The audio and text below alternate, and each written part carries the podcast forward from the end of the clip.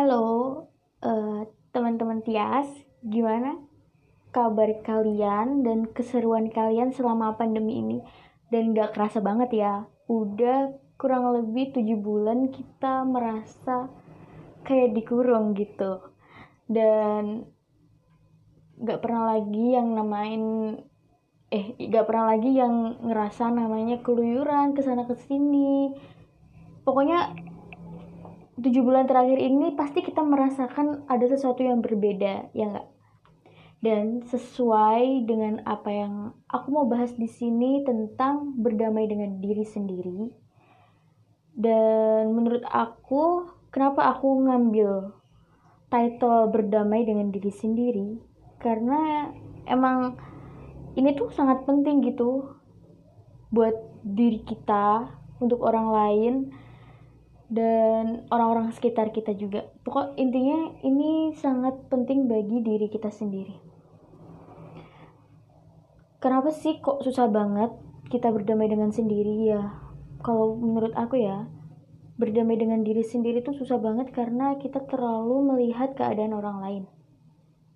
Yang pertama sih mungkin karena kita insecure, kita mau membandingkan diri kita dengan orang lain, tapi itu menurut aku sesuatu hal yang sangat wajar apalagi di umur-umur segini. Sebagai ABG lah anak-anak kuliah kayak gitu. Terus apa ya insecure karena kenapa sih mereka bisa ngelakuin ini? Kenapa sih dia bisa jalan-jalan liburan sedangkan aku enggak? Nah sebenarnya hal-hal kayak gitu tuh harus kita buang jauh-jauh dalam diri kita dan otak kita ya gimana lagi? Kayak gitu tuh udah menjadikan makanan sehari-hari bagi kita.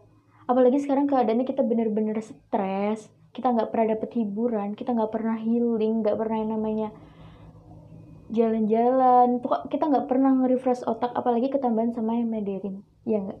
Gitu kan. Dan insecure dan membandingkan diri sendiri dengan orang lain itu wajar kan? Wajar banget aku juga pribadi sering banget ngalamin hal-hal yang kayak gitu. Cuman mau gimana pun juga kita harus tetap bangkit. Kita harus tetap uh, gimana ya? Kayak ngerubah pola pikir kita gitu. Biar kita tuh nggak kayak gitu lagi gitu. Dan menurut aku sih ya agar kita terhindar dari kayak gitu-gitu uh, kita juga harus bisa kayak gimana ya? Bingung juga nih ngomongnya nih. Kayak itu tuh harus menjadikan kita sebagai acuan gitu. Kalau dia bisa kenapa kita enggak? Jadi ya harusnya kita bisa lebih dari dia dong kayak gitu. Dan ada lagi sih menurutku faktor-faktor lain kenapa kita nggak bisa berdamai dengan diri kita sendiri. Itu kita terlalu menyalahkan orang lain karena diri kita sendiri kita menyalahkan teman, kita menyalahkan lingkungan, kita menyalahkan orang-orang sekitar lah pokoknya kayak bisa juga karena orang tua. Kayak kenapa sih dulu aku nggak diginin aja kan harusnya kan aku diginin aja biar nanti gedenya aku gini gitu. Kayak sebuah penyesalan gitu loh. Paham nggak? Ya gitu deh pokoknya. Dan sebenarnya kayak gitu tuh gimana ya? Menyalahkan orang lain karena diri sendiri. Harusnya kita tuh bersyukur gitu loh karena adanya itu. Karena kalau nggak ada itu kita juga gak ada yang sekarang gitu. Terus ada lagi faktor kita nggak bisa berdamai dengan diri sendiri. Ini sangat-sangat kita alamin sangat-sangat apa ya terpampang jelas gitu. Entah itu di dunia maya entah itu di dunia nyata yaitu baper. Stop baper. Contoh kecil nih, kayak kita di body shaming sama orang. Kita jerawatan. Atau kita lagi beruntusan, ih kamu kok beruntusan sih, kamu kok jerawatan. Ih kamu kok kurus banget sih, nggak makan apa? Kamu gendut banget sih, banyak banget ya pasti makannya kayak gitu.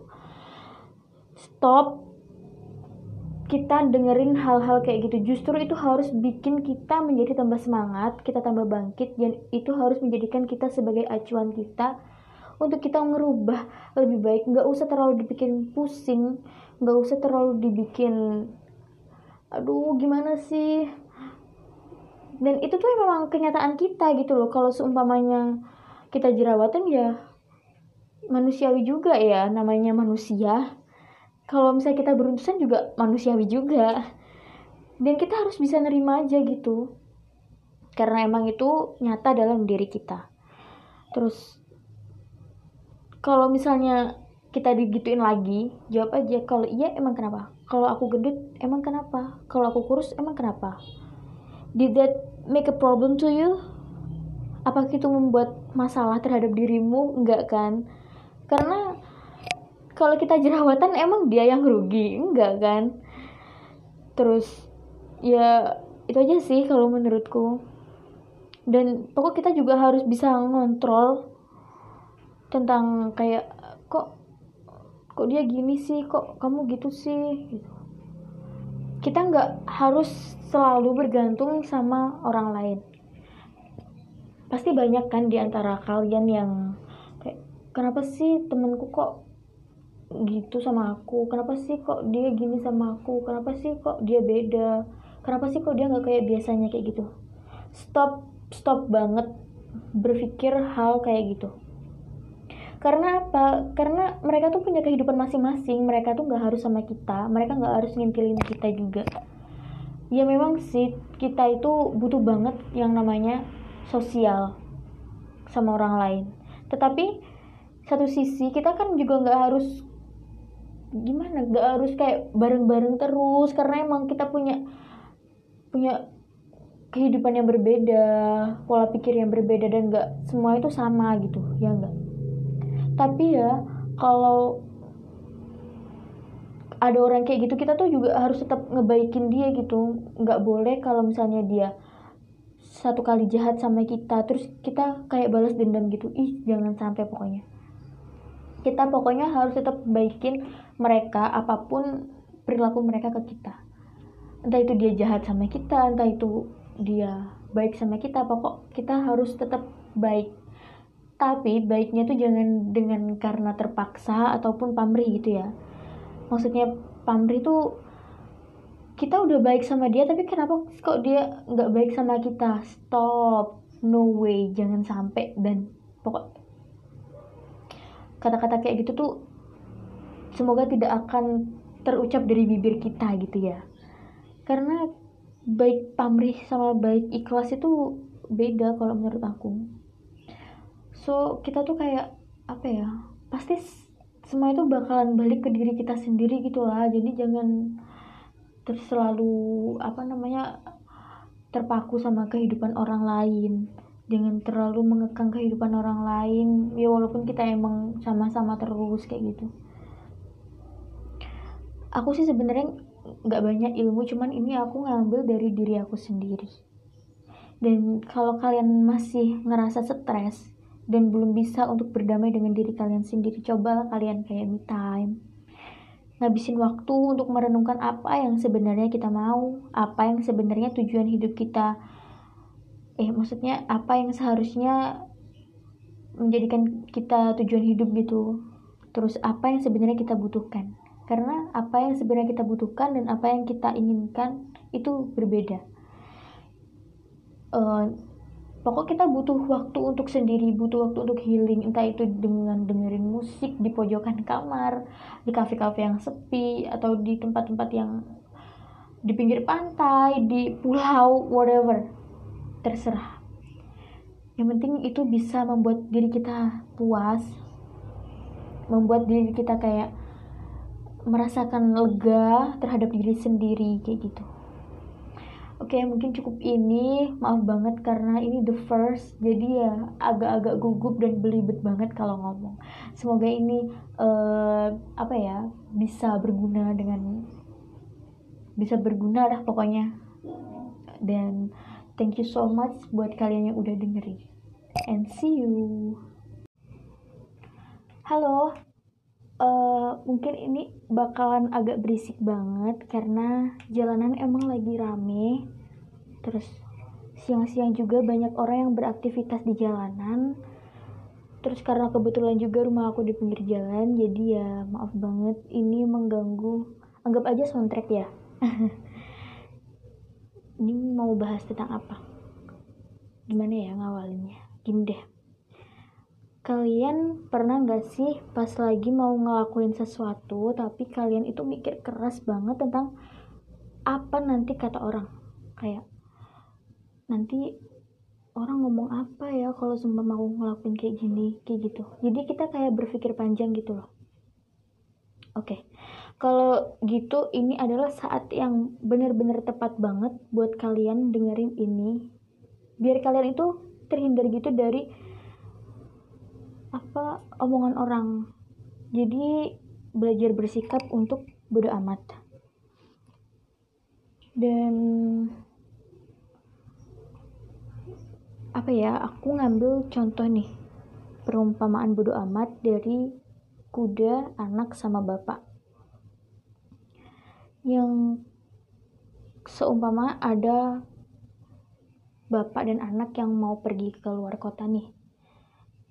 Dia bawa kuda tapi di perjalanan bapak itu jalan dan anaknya naik kuda. Di situ dia ketemu sama orang. Gimana sih? Durhaka banget. Masa bapaknya disuruh jalan tapi anaknya malah naik kuda dan akhirnya naiklah bapaknya ke kuda itu dan anaknya turun. Terus jalan tuh mereka. Jalan lagi ngelanjutin perjalanan terus ketemu lagi sama orang. Dan orang itu bilang kayak gini gimana sih ini bapaknya nggak pengertian banget masa anaknya disuruh jalan tapi dianya malah naik kuda? Gitu. Akhirnya muncullah ide dari bapak tersebut buat mereka naikin kuda itu secara barengan jadi berdua gitu.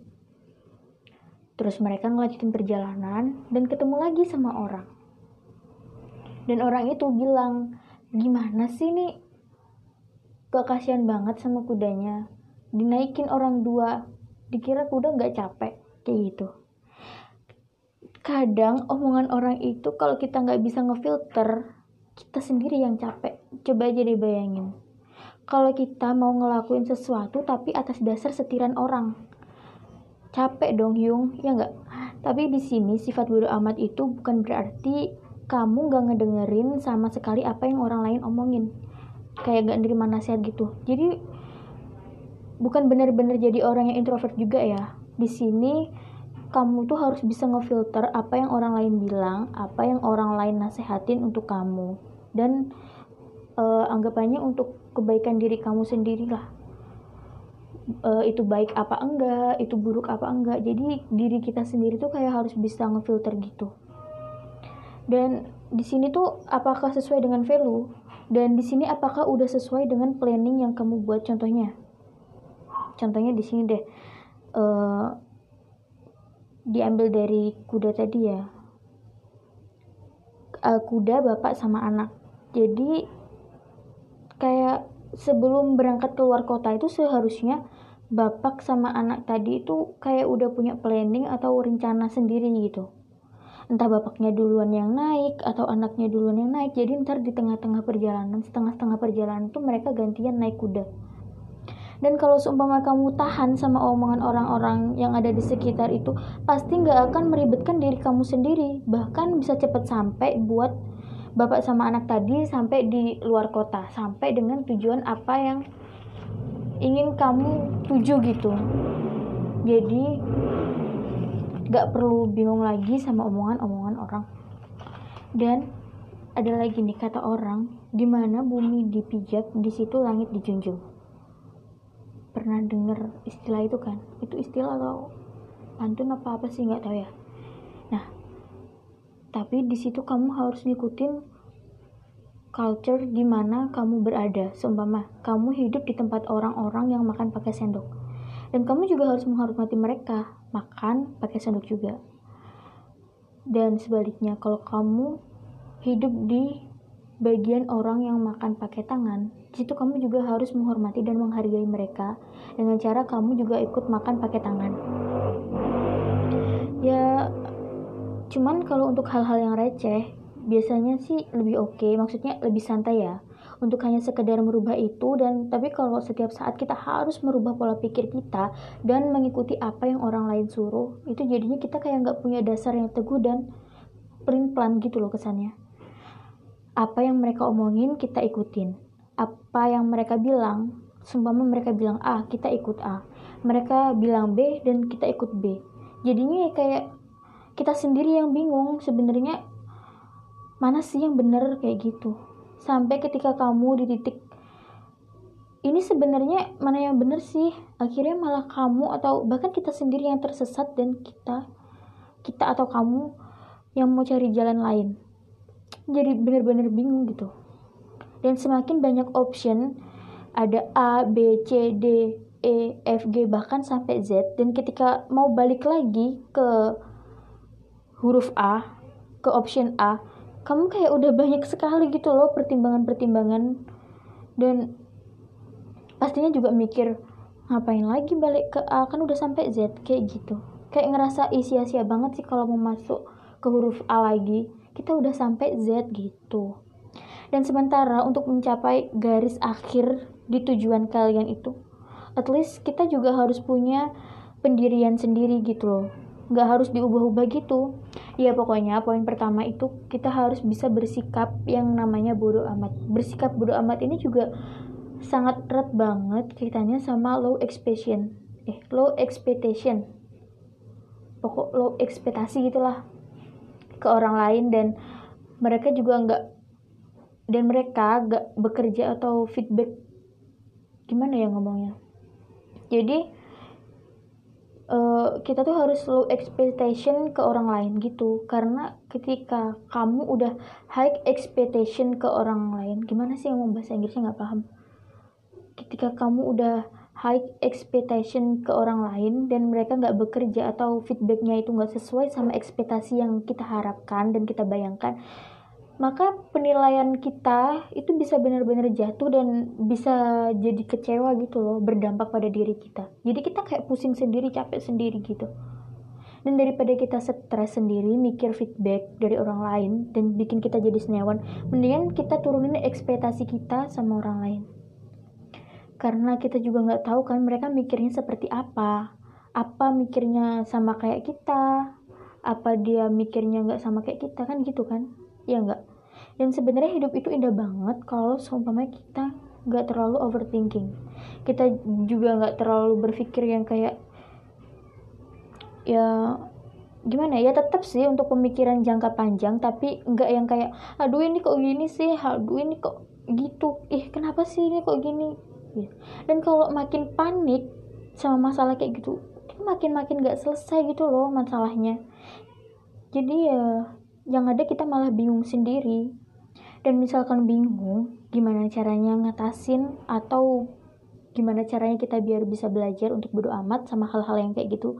Hmm, mungkin ini tips sih terbaik ya. Coba buat plan dan ngusahain itu jadi plan tertulis gitu. Dan kayak semacam pendirian gitu loh. Dan jangan sampai keubah-ubah. Karena kita udah buat plan itu dari awal maka kita harus ngikutin gitu terus kemudian yang kedua ya kayak try your plan. Lakuin dicoba.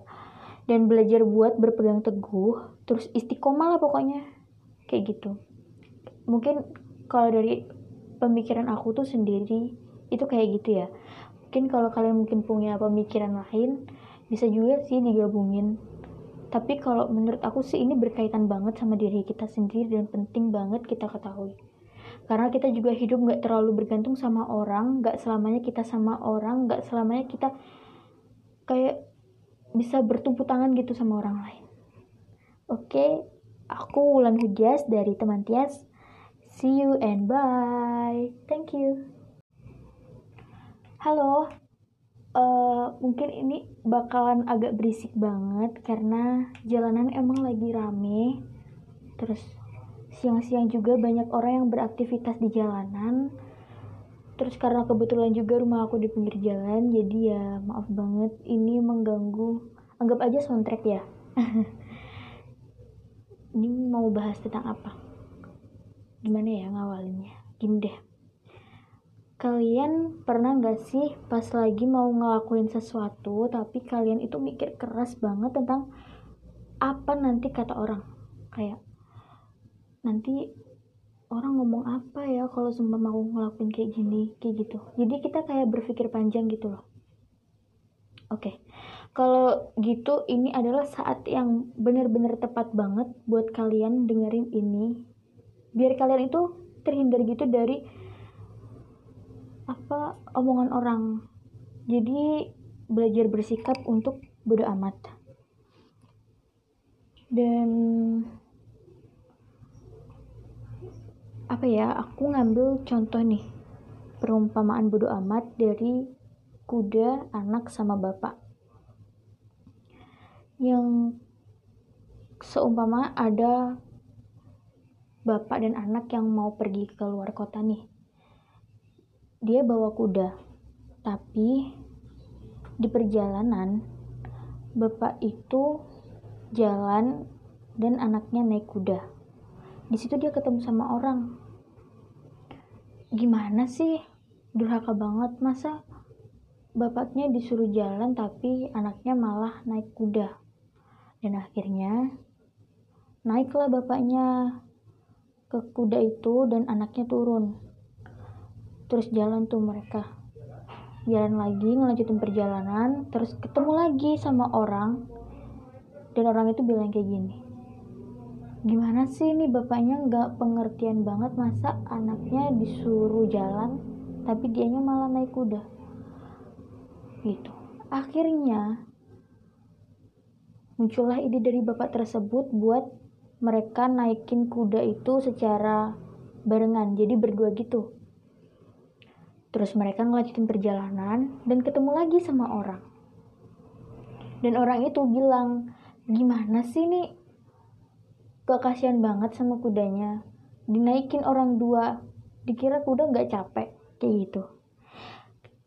Kadang omongan orang itu kalau kita nggak bisa ngefilter kita sendiri yang capek. Coba aja dibayangin kalau kita mau ngelakuin sesuatu tapi atas dasar setiran orang.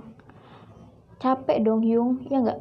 Tapi di sini sifat bodoh amat itu bukan berarti kamu nggak ngedengerin sama sekali apa yang orang lain omongin kayak gak nerima nasihat gitu. Jadi bukan benar-benar jadi orang yang introvert juga ya. Di sini kamu tuh harus bisa ngefilter apa yang orang lain bilang apa yang orang lain nasehatin untuk kamu. Dan uh, anggapannya untuk kebaikan diri kamu sendiri lah uh, itu baik apa enggak itu buruk apa enggak. Jadi diri kita sendiri tuh kayak harus bisa ngefilter gitu. Dan di sini tuh apakah sesuai dengan value dan di sini apakah udah sesuai dengan planning yang kamu buat contohnya? Contohnya di sini deh. Uh, diambil dari kuda tadi ya. Uh, kuda bapak sama anak. Jadi kayak sebelum berangkat keluar kota itu seharusnya bapak sama anak tadi itu kayak udah punya planning atau rencana sendiri gitu entah bapaknya duluan yang naik atau anaknya duluan yang naik jadi ntar di tengah-tengah perjalanan setengah-setengah perjalanan tuh mereka gantian naik kuda. Dan kalau seumpama kamu tahan sama omongan orang-orang yang ada di sekitar itu pasti nggak akan meribetkan diri kamu sendiri. Bahkan bisa cepat sampai buat bapak sama anak tadi sampai di luar kota sampai dengan tujuan apa yang ingin kamu tuju gitu. Jadi gak perlu bingung lagi sama omongan-omongan orang. Dan ada lagi nih kata orang di mana bumi dipijak di situ langit dijunjung. Pernah denger istilah itu kan? Itu istilah atau pantun apa apa sih nggak tahu ya. Nah tapi di situ kamu harus ngikutin culture di mana kamu berada. Seumpama kamu hidup di tempat orang-orang yang makan pakai sendok dan kamu juga harus menghormati mereka makan pakai sendok juga. Dan sebaliknya, kalau kamu hidup di bagian orang yang makan pakai tangan, di situ kamu juga harus menghormati dan menghargai mereka dengan cara kamu juga ikut makan pakai tangan. ya cuman kalau untuk hal-hal yang receh biasanya sih lebih oke okay, maksudnya lebih santai ya untuk hanya sekedar merubah itu dan tapi kalau setiap saat kita harus merubah pola pikir kita dan mengikuti apa yang orang lain suruh itu jadinya kita kayak nggak punya dasar yang teguh dan print plan gitu loh kesannya. Apa yang mereka omongin kita ikutin. Apa yang mereka bilang seumpama mereka bilang A kita ikut A. Mereka bilang B dan kita ikut B. Jadinya kayak kita sendiri yang bingung sebenarnya mana sih yang bener kayak gitu sampai ketika kamu di titik ini sebenarnya mana yang benar sih? Akhirnya malah kamu atau bahkan kita sendiri yang tersesat dan kita kita atau kamu yang mau cari jalan lain. Jadi bener-bener bingung gitu. Dan semakin banyak option ada A, B, C, D, E, F, G bahkan sampai Z. Dan ketika mau balik lagi ke huruf A ke option A kamu kayak udah banyak sekali gitu loh pertimbangan-pertimbangan. Dan pastinya juga mikir ngapain lagi balik ke A? Kan udah sampai Z kayak gitu. Kayak ngerasa sia-sia banget sih kalau mau masuk ke huruf A lagi. Kita udah sampai Z gitu. Dan sementara untuk mencapai garis akhir di tujuan kalian itu at least kita juga harus punya pendirian sendiri gitu loh nggak harus diubah-ubah gitu. Ya pokoknya poin pertama itu kita harus bisa bersikap yang namanya bodoh amat. Bersikap bodoh amat ini juga sangat erat banget kaitannya sama low expectation. Eh low expectation. Pokok low ekspektasi gitulah ke orang lain dan mereka juga nggak dan mereka nggak bekerja atau feedback. Gimana ya ngomongnya? Jadi uh, kita tuh harus low expectation ke orang lain gitu. Karena ketika kamu udah high expectation ke orang lain gimana sih ngomong bahasa Inggrisnya? Nggak paham. Ketika kamu udah high expectation ke orang lain dan mereka nggak bekerja atau feedbacknya itu nggak sesuai sama ekspektasi yang kita harapkan dan kita bayangkan maka penilaian kita itu bisa benar-benar jatuh dan bisa jadi kecewa gitu loh berdampak pada diri kita. Jadi kita kayak pusing sendiri capek sendiri gitu. Dan daripada kita stres sendiri mikir feedback dari orang lain dan bikin kita jadi senewan mendingan kita turunin ekspektasi kita sama orang lain. Karena kita juga nggak tahu kan mereka mikirnya seperti apa. Apa mikirnya sama kayak kita? Apa dia mikirnya nggak sama kayak kita? Kan gitu kan ya enggak dan sebenarnya hidup itu indah banget kalau seumpama kita nggak terlalu overthinking. Kita juga nggak terlalu berpikir yang kayak ya gimana ya tetap sih untuk pemikiran jangka panjang tapi nggak yang kayak aduh ini kok gini sih? Aduh ini kok gitu? Ih kenapa sih ini kok gini? Ya. dan kalau makin panik sama masalah kayak gitu makin makin nggak selesai gitu loh masalahnya. Jadi ya yang ada kita malah bingung sendiri. Dan misalkan bingung gimana caranya ngatasin atau gimana caranya kita biar bisa belajar untuk bodo amat sama hal-hal yang kayak gitu. Hmm, mungkin ini tips sih terbaik ya. Coba buat plan dan ngusahain itu jadi plan tertulis gitu. Dan kayak semacam pendirian gitu loh. Dan jangan sampai keubah-ubah. Karena kita udah buat plan itu dari awal maka kita harus ngikutin gitu terus kemudian yang kedua ya kayak try your plan. Lakuin dicoba. Dan belajar buat berpegang teguh terus istiqomah lah pokoknya. Kayak gitu. Mungkin kalau dari pemikiran aku tuh sendiri itu kayak gitu ya. Mungkin kalau kalian mungkin punya pemikiran lain bisa juga sih digabungin. Tapi kalau menurut aku sih ini berkaitan banget sama diri kita sendiri dan penting banget kita ketahui karena kita juga hidup nggak terlalu bergantung sama orang nggak selamanya kita sama orang nggak selamanya kita kayak bisa bertumpu tangan gitu sama orang lain. Oke aku Wulan Hudias dari teman Tias. See you and bye. Thank you